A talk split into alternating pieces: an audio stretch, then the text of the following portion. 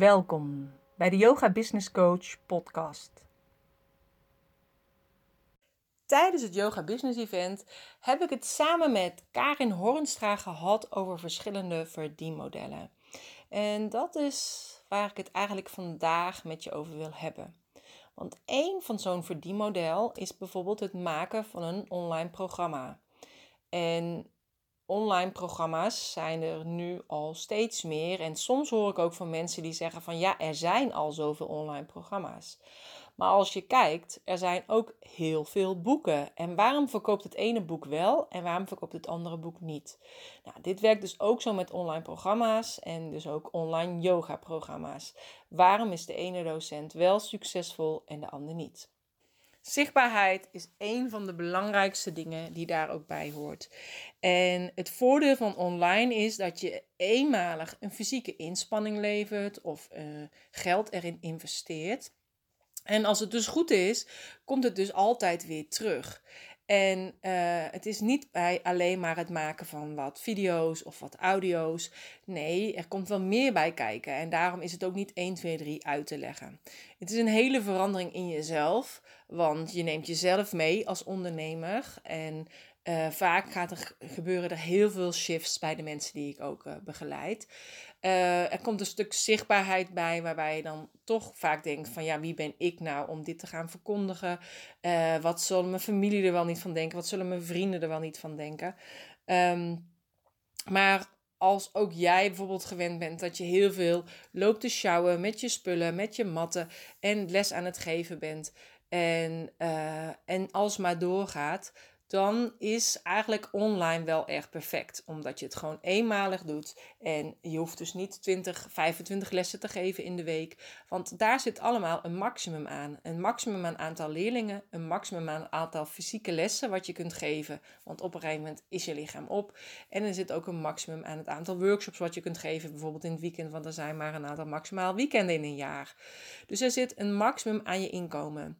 En wat ik bij het event wel heel duidelijk ook naar voren kwam, is dat de yogadocenten graag een ander willen helpen.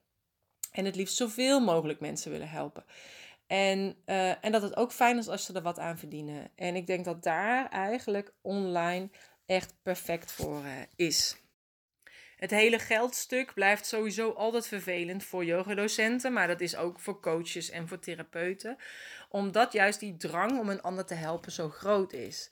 Maar ik ben wel van mening dat als je heel veel tijd en hebt geïnvesteerd in je kennis opbouwen om die ander te helpen, mag je daar ook echt wel geld voor vragen.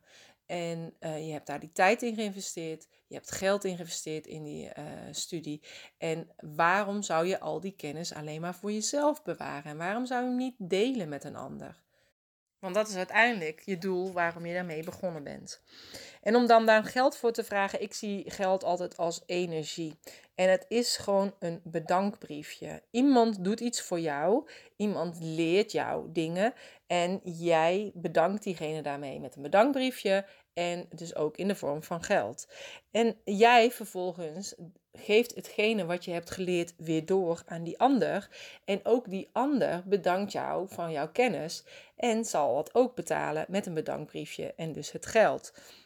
En um, als je bijvoorbeeld een workshop of een les organiseert en je doet dit gratis, dan heb, is toch heel vaak het idee dat mensen makkelijker afzeggen omdat ze er niet voor betaald hebben. Terwijl als ze ergens wel voor betaald hebben, dan hebben ze er ook een bepaald commitment en zullen ze dus minder snel afzeggen.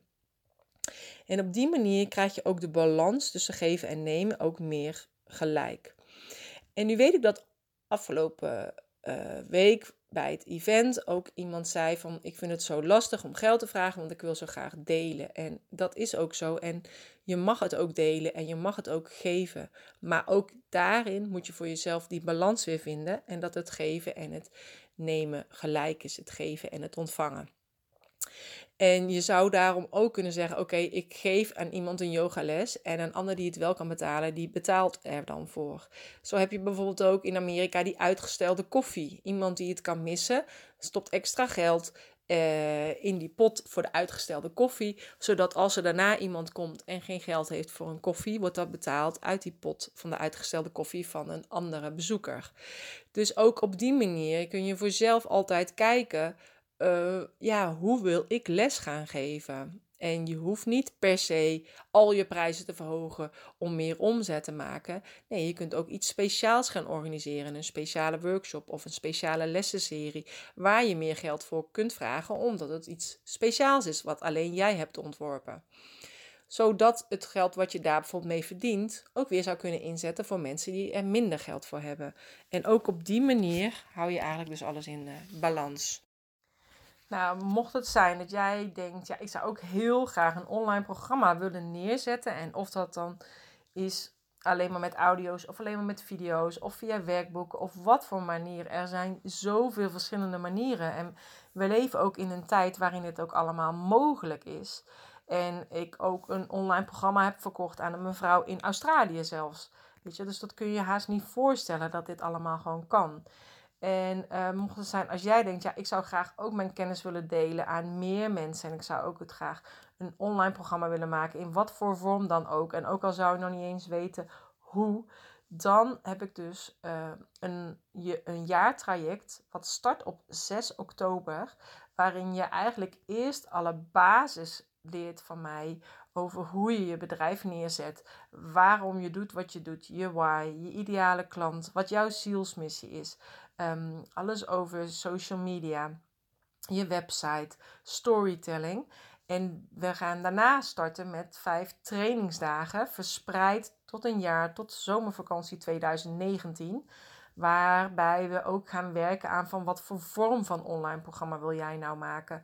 En hoe zet je nou Facebook, LinkedIn en Instagram in. En hoe maak je nu een planning van jouw programma? Wanneer ga je het starten? En wanneer ga je het lanceren? En hoe tel je dat nou terug? Uh, maar ook heb je dan met mij individuele Skype-gesprekken. Zodat we, dat ik met je mee kan lopen, met je mee kan kijken, dat ik je stok ben achter de deur. Om te zorgen dat het programma er ook werkelijk komt. En we gaan kijken van ja, hoe zet je het nou ook neer dat je het ook echt gaat verkopen. En dat je ook mensen krijgt die jou gaan volgen en uiteindelijk het programma gaan kopen.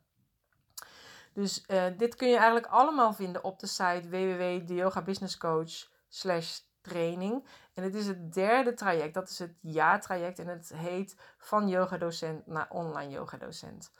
Dus um, mocht zijn als je daar interesse in hebt, kijk even op mijn site of stuur me even een mailtje naar info apenstaartje voor meer informatie. Ik help je graag verder op je pad als online yogadocent. Fijne dag!